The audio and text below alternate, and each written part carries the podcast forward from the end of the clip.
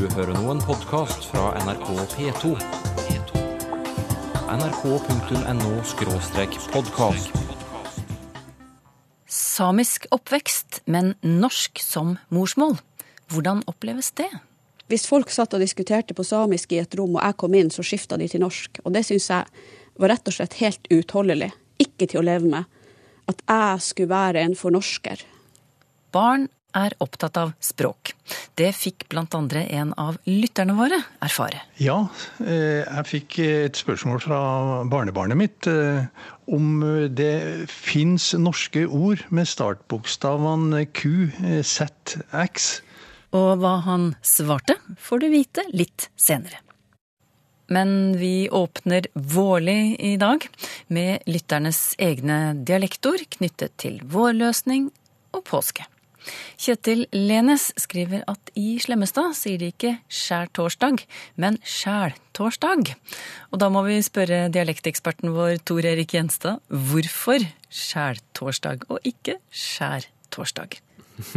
Ja, de forklarer det jo sjøl på et nettsted her. At de da bruker å samle seg på strendene og høste inn og koke blåskjell.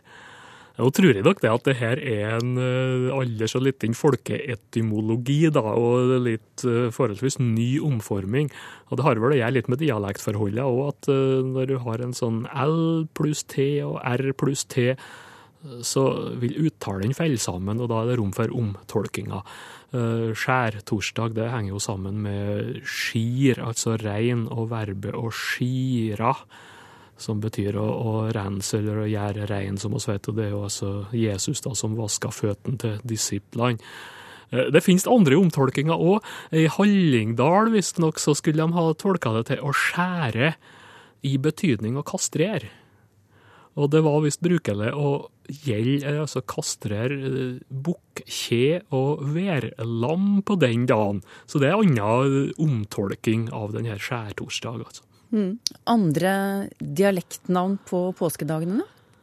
Det er det nå ikke så mye av. Det er vel relativt standard. Det finnes et par da på påskeaften. Jeg er nå vokst opp med å kalle det for påskelaudagen, sjølsagt, og det finnes nå en del plasser. Og så er det òg som plasser de kaller det for sprengelaudan, eller sprengelaudagen. Blant annet Østerdalen og Gudbrandsdalen og, og, litt her og der. Og det er jo fordi at den var at de kanskje måtte arbeide på spreng akkurat den dagen da, for å bli ferdig til helga. For da hadde det jo vært helg på langfredagen, ikke sant? og så ny helg på søndagen. Mm. Det var litt om påsken. Over på vår og vårløsning. Olaug Drabløs er fra Sykkylven på Sunnmøre, og der har de bl.a. uttrykket tøya. Hva er det, Tor Erik? Ja, det er jo rett og slett at det er tina, da. At snøen er smelta og er borte fra marka. Og det er jo verbet å tøye eller å tø, da, som eh, kanskje er, er, mer kjent. Så det er rett og slett eh, det vårtrekket, at snøen forsvinner. Olaug forteller at eh, mannen hennes, som er fra Lofoten, han bruker ordet avbært om det samme fenomenet. Ja, det er vel da at det er avbært. Og da vil det jo si at marka er, er bær, da. Eller bar. Snø. Snøbær. Og det avbær, altså det ser ut for å være et typisk nordnorsk ord, særlig mye i Nordland. Og så dukka det opp at nede på Sør-Vestlandet en del plasser, også som substantiv, at det var avbæra. Da er det jo et, et hokjønnsord. da. Til slutt nevner Olaug Drabløs et gammelt uttrykk som moren hennes pleide å bruke. Røvletøya, hva er det? Ja, det, tøya er jo det samme som, vi nevnte her i stad. Men når det er røvletøya, da er det altså delvis bært. Det er flekkbært, som er et annet ord for det òg. Kommer på oppe i Røyrvik, oppe i Indre Namdalen, der er det påstått at de har en sommerfestival de kaller Bærflekkdoggo der. Men det er kanskje litt pessimistisk. Men i hvert fall Røvletøya, det er jo Sunnmøre, en del plasser der. Og så er det òg registrert som Revletøya nede i Jølster. Og først delen her, det henger nok sammen med et ord revel eller revill, som betyr strimmel eller stripe. Da. Så det er, det er bært eh, stripevis eller flekkvis. Så til et beslektet ord fra Lom i Oppland, nemlig ravelbært, sendt oss av Jarnfrid Kjøk. Ja, eh, ravelbært, eh, det må jo være i grunnen akkurat det samme, da. At det er flekkbært. Det ligger et verb også i båten her som finnes som å revle, røvle, også ravle. Om å, å, å tien flekkvis, slik at det blir, blir bare flekker, da. Og det er interessant det her med ravlbært, altså, for det kunne ikke finne i arkivet vårt. Så det er faktisk et nytt ord som er kommet inn til språktegnet har det ikke med i Norsk ordbok. Og nå vet jeg at de holder på å revidere ei stor ordsamling eh, nede fra Lom og Skjåk. Og der står det heller ikke, så da må de passe på å få med det her nye utgava, for et prima godt ord, og presist. Ja, En liten påskegave fra en av Språkteigens uh, lyttere. Uh, Jarnfrid Kjøk forteller også at hun som barn likte å veite vårvatn. Og hva gjør man da? Ja, Det har jeg gjort mye i, og jeg tror det er alle unger som har gjort, for det er jo når du har snøsmeltinga, og det begynner å renne vann etter veien, og, og, og du veiter det, altså du graver grav veite, rett og slett, for å, for å lede tå, da. Uh, husker han far han, han gjorde nå det der på veibiten forbi hjem, det var grusvei, og det der passa han på. Altså det Vårvatnet det er rett og slett smeltevatnet. Uh, kommer på var en gammel original hjem, han, uh, han drakk det der, han. For han Oh. mente det var sunt. Han, uh, som han sa, det, det er medisin i det der, sa han. Du, jeg vet ikke hvor Turid Merete Nilsen kommer fra, men når du får høre at hun bruker ordet skriva om snø som faller ned fra taket, så klarer du da å plassere henne geografisk? Eh, Nei, det er litt vanskelig, for akkurat det der eh, har jeg ikke vært borti. Men jeg skal lure på om det kan eh, være noe sammenheng med skriu. Altså skrede, eller skred, da. Som betyr ras allment. Og skriu eh, det vil du jo finne på Indre Østlandet en del plasser, den forma. Det kan sikkert òg brukes om nettopp takras. Der jeg kommer fra, så kalles det for takfond. At takfondet har gått, og der er jo da fond eh, også snøskred ut i terrenget. Takskrei har du på Innherred, og der har du jo da skrei, eh, som er det samme som skred, altså. Til slutt så tar vi med et uttrykk fra Berit Hjelmesli i Sør-Trøndelag. Isforra går i Orkla, skriver hun. Og hva er det hun beskriver da? Ja, det er ikke bare i Orkla at eh, isforra går. Det gjorde hun i Driva, og som jeg vokste opp med. Og det vil rett og slett si da eh, det som på mer standardnorsk heter for isgang eller isløysing. Altså at isen eh, bryter opp, og så fer han ut, fer nedover eh, løpet. Kanskje kommer inn på land og greier. Det er ganske brutale krefter det der når isen går i slik elv. Og det, det heter altså isforra, da. Det er jo en geografi på det her. Mye av Sør-Trøndelag, Nordmøre, Romsdalen og Nord-Gudbrandsdalen har det her ordet isfor. Men det finnes mange andre dialektord færre, mer eller mindre lokale. Gauldalen heter f.eks. issmal. Og isråk, Gausdal, Etnedal, Søndre Land. Og mange andre ord for akkurat det der. Så det er noe som folk har merka seg og sikkert vært både skremt og imponert over. Jeg sa til slutt, men jeg fristes til å komme med et bonusord, fordi det er ganske fint, syns jeg. Det er vel mer et vinterord enn et vårord, da, men det får våge seg. Blindholke, har du hørt det før? Eh, Ja, jeg har nok det. Eh, og det kan nok forekomme om våren, og det er iallfall hvis, det- hvis det kommer noe snøfall og, og det ligger igjen litt is, da, for det, det vil jo rett og slett Det ligger jo i selve ordet at det er holk som du ikke ser, da. Det er typisk eh, at det ligger is, og så kommer det et snølag opp, og så ser det ut til at det er trygt og greit, og så plutselig så fer bare føttene unna det, og så, så ligger du der. Så blindholk. Og Men du, bare avbryt deg litt, for det er nevne at det er Jon Albert Risehagen som eh, skriver til oss om det. Og han har oppdaget at ingen sørpå kjenner til uttrykket. Nei, altså det, det finnes nok, men det er spesielt utbredt i Nord-Norge, ser det ut som. Altså, hovedtyngda ligger der. Men det, hvis du treffer en uh, vestlending uh, enten uh, ja, innenfor Hordaland fylke, Nordhordland, Sunnhordland, Hardanger, så er det um, viss sjanse for at han vil kjenne til det. Jeg har òg ei opplysning på det fra Verdalen, men i Trøndelag så sier de heller at det er unnhårt eller punnhårt. Mm. Eh, når det er slike forhold som det der. Men blindholke, altså. Eh, glatt is som er dekket av snø. Man ser den ikke, med andre ord. Skumle saker. takk til alle bidragsytere. Påskjønnelse kommer i posten. Og takk til deg, Tor Erik Gjenstad ved NTNU. Å lære et språk. Hvordan kan det hjelpe deg i en sorgprosess? Hvordan kan det gi deg følelsen av å bli hel og sann.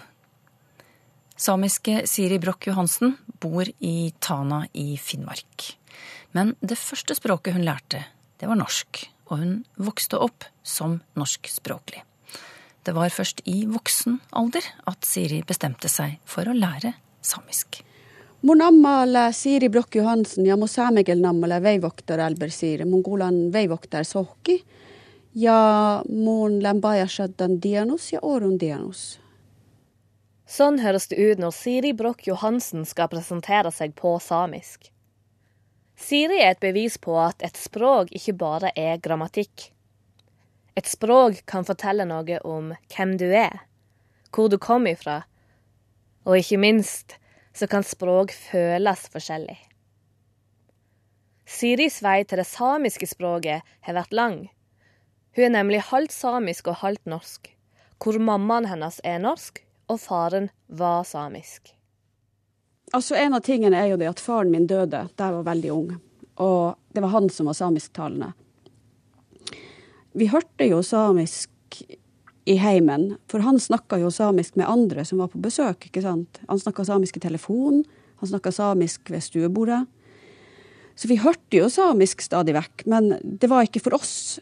Så det å lære samisk, det ble på en måte en del av sorgprosessen, da. Å godta det som hadde skjedd. Og um, hele slekta mi her er jo samisktalende. En av uh, mine slektninger som nå har gått bort, hun sa det så sterkt som at hun sa 'Bores boetin soki', altså 'velkommen i slekta'. Når jeg hadde lært meg samisk og kunne snakke med henne på samisk. En ting var jo det at jeg hele tida ble minnet på det, fordi at faren min han var en kjent figur i det samiske miljøet internasjonalt. Og folk ville stadig vekk si til meg ja, du som er Albert sin datter, kan du ikke samisk? Har Albert virkelig en datter som ikke kan samisk? Altså Det ble hele tida henvist til han, og så på en måte som at jeg var ikke bra nok til å være hans datter. Og eh, Altså, det var jo han som ikke hadde lært meg det, men likevel så, så følte jeg at uh, det var et eller annet også med å gjøre ære på hans minne, på en måte. Foreldrene til Siri var pedagoger på 60-tallet og tok et bevisst språkvalg for ungene sine. På 60-tallet mente man nemlig at barn ikke hadde godt av å lære mer enn ett språk om gangen. Så derfor ble det til at Siri og hennes søsken kun lærte seg norsk samtidig som de levde i et norsk-samisk univers. Jeg kan si det sånn at mora mi hun var fra Rogaland. Og eh, morsmålet mitt sånn sett teknisk sett er norsk. Faren min han var her fra Tana, fra Skippagurra. Og, og vi, vi snakka bare norsk i barndomshjemmet mitt. Men hjertespråket mitt er samisk, det er ikke jeg tvil om. Trosspråket mitt f.eks. er samisk. Når jeg forholder meg til min gud og går i kirka, så er det samisk som er det språket jeg vil bruke, som føles riktig. Og det sier noe for meg om at uh, samisk er også morsmålet mitt, og jeg snakker bare samisk med dattera mi. Det er jo noe med at altså, jeg tenker Hvis jeg hadde vokst opp på Vestlandet, hvor mora mi kom ifra, så hadde jeg kanskje ikke følt at jeg hadde mista et språk. For da hadde jeg vært så langt unna fra den samiske kulturen. Jeg hadde ikke blitt eksponert for samisk. Jeg hadde ikke tenkt på at det her var noe som kunne vært mitt. Men i og med at jeg vokste opp midt oppi det og hadde folk rundt meg på alle kanter som snakka et språk som jeg ikke forsto bæret av, så Og jeg visste at det her kunne vært mitt, ikke sant. Så fikk jeg jo stadig vekk kjenne på denne følelsen av at jeg mangler noe. Det er noe som noen har som jeg mangler.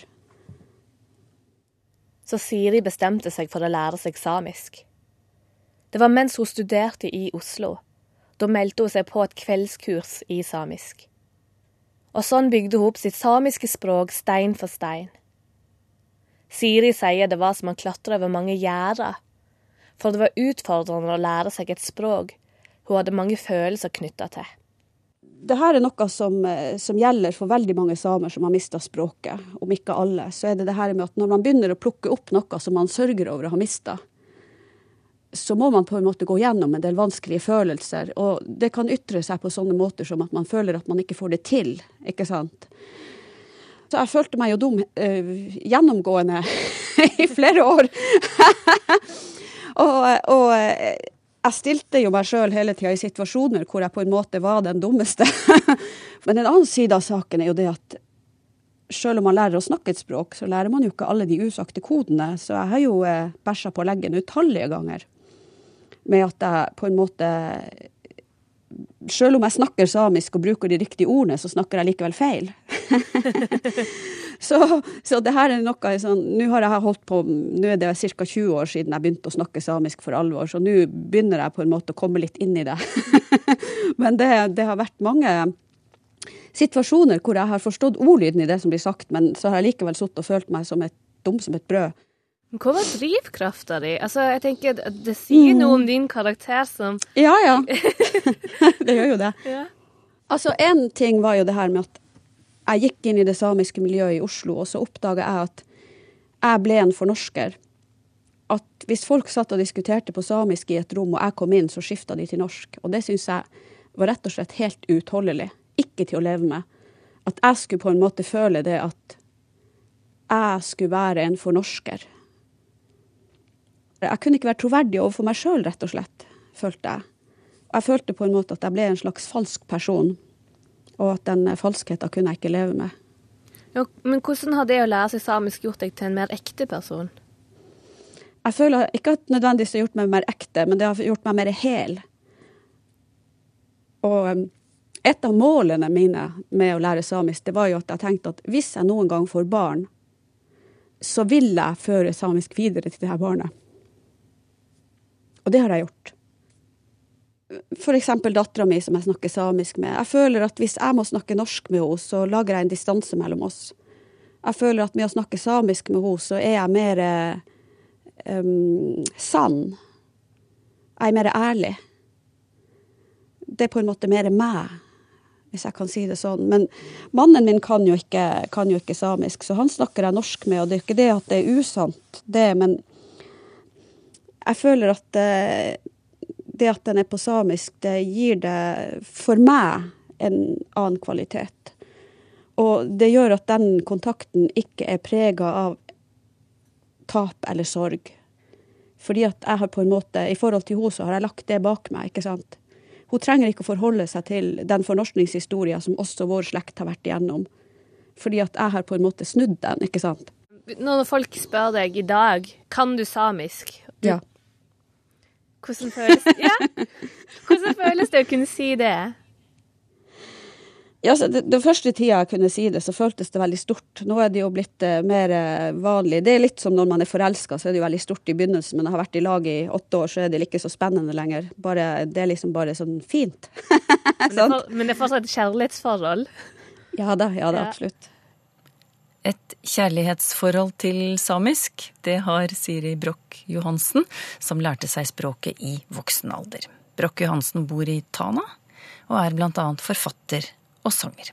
Reporter var Yadushiga Raya. Så et lite hjertesukk fra Twitter. Hva er det tullet med loin fiskefilet, spør Rolf Gunnar Bjerkebekk. Hva med det velbrukte ryggfilet? Norsk er ikke fint nok, Husmannsånden slår til igjen, avslutter Bjerkebekk. Ja, hvorfor ikke bruke ordet ryggfilet i stedet for loin? Vi sendte spørsmålet til Findus, og fikk til svar at ordet loin har blitt stadig mer populært å bruke, også i fiskeindustrien. Ryggfilet det er det fineste stykket på fisken, og det mest dekkende norske ordet for loin, skriver Findus. Men loin er enda finere. Findus viser til USA, der de bruker begrepet true loin, altså ekte loin. Da skal ryggfileten være like tykk i begge ender. Og det behøver ikke nødvendigvis en ryggfilet å være. Likevel er ordet ryggfilet mer enn godt nok i de fleste tilfeller, skriver Findus. Men siden begrepet loin er trendy og gir fine assosiasjoner, foretrekker mange produsenter å bruke akkurat det. Selv bruker Findus gjerne ordet ryggfilet i sine produktnavn, sier de, men en sjelden gang trykker de loin på siden av pakken for å beskrive hvilken del av fisken de har benyttet. Barn er opptatt av språk. De leker seg med språket og er nysgjerrige på språket. Det kan blant andre Jon Hildrum fra Namsos skrive under på. Han er mangeårig norsklærer, men er også bestefar, og det er først og fremst som bestefar du sendte oss en e-post med en liten historie, Jon Hildrum.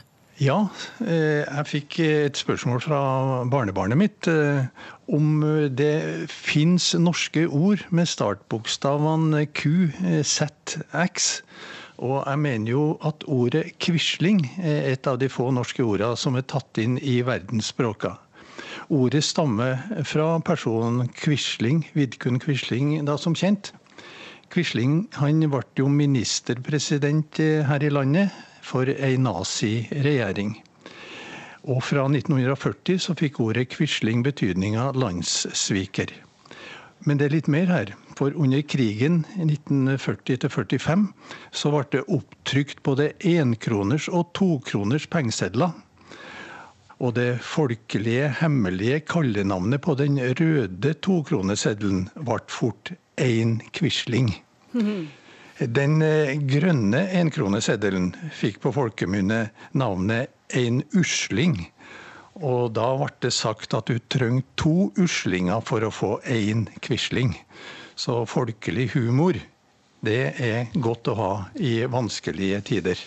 Og dette vet nå ditt eh, barnebarn eh, på 13 år snart. Ja, ja. Det, det, har han god greie på. Men du, bokstaven X, da? Ja, der kom jeg over XE, altså eh, X-E, så det er et bindestrekord. Og da må du tenke deg at du sitter og skriver på ei gammel skrivemaskin, ikke data. Og så ønsker du å ta bort et ord fra teksten din. Og da x-er du ordet bort. Det vil si at du skriver ei rekke med bokstaven X oppå det du vil fjerne. Og det har jo alle gamle maskinskrivere gjort. Og da har du gjort det ordet uleselig.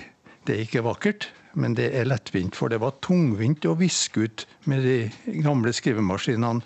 Særlig når du har satt blåpapir inn i skrivemaskina.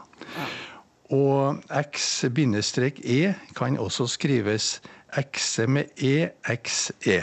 Men da begynner det ikke på X lenger? Nei, og da er vi utafor feltet vårt. Ja.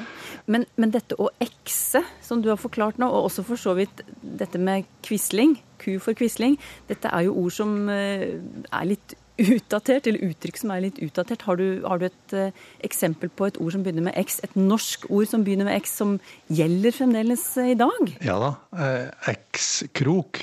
X-krok. Det er jo et kjent ord med X som startbokstav. Og at X-krok er en liten krok til å henge opp bilder på, det vet jo alle. Ja, Og så var det bokstaven Z. Må vi tilbake i historien for å, for å finne svar på hvilket norsk ord som begynner med Z? Eller hva er ditt svar til 13-åringen? Ja, altså det finnes jo flere betydninger her, men jeg har landa på ordet Z-tvinne. Og Z-tvinne, det er å tvinne garn eller tråd mot høyre. Og Z-sno eh, er et ord for samme handling. Og både tvinne og sno har vi fra norrønt språk. Tvinna eh, betyr fordoble. Og sno, fra det norrøne snua, samme ord som snu, betyr flette, vinne, snurre. Og når Z kommer framfor, så foregår tvinninga mot høyre ifølge boka. Hva skulle barnebarnet ditt bruke disse ordene til, da? Nei, Det er jo helt sikkert eh, at han skulle bruke det til spill, særlig på data. Eh, for vi vet jo at eh, Scrabble har framstått i en ny versjon i det siste, og det er kolossalt eh, aktuelt for akkurat den årsgruppen og ja, mange andre òg. Ja. Word feud, har du prøvd det selv? Nei, men jeg prøvde jo Scrabble i gamle dager da. Og det er vel i slekt med Scrabble, det nye spillet som har kommet nå. Du er gammel norsklærer. Gammel norsklærer, ja. Jon Hildrum, og har skrevet uh, også mange lærebøker i norsk. Ja. Og denne her nysgjerrigheten fra barn og unge, ord som begynner på de og de bokstavene, spørsmålene de har rundt ord, sånn som barnebarnet ditt, uh, det er nok sikkert kjent uh, for deg. Det er ikke første gang du støter på det. Hva, hva vil du si om, om barn og deres forhold til språk når de kommer sånn i 12-13-årsalderen? Nei, unger er jo nysgjerrig av, av, av natur. Og når de eh, fenger interesse for en sak, så går de inn eh, sterkt for akkurat det feltet. Og det gjelder jo også språk. Og særlig når det kommer på data på spill her, så har de jo en spesiell appell. Så um, ungene de er, er moden for mye mer enn læreplanene forlanger på de feltene de virker, virkelig interesserer seg for. Det sa Jon Hildrum, bestefar og tidligere norsklærer fra Namsos. I neste sending ser vi bl.a. på norske og svenske navnetradisjoner. Norge er en eh, ung nasjon sammenlignet med Sverige. Vi lå under Danmark til 1814 og ble helt frie først i, i 1905. Og da hadde vi behov for nasjonale symbol under det vi kaller for eh, eh nasjonbygginga. Så de nordiske navnene her er da svært mye brukt i Norge, men nesten ingenting i Sverige. Ulike navnetradisjoner i Norge og Sverige. Språkteigen om én uke.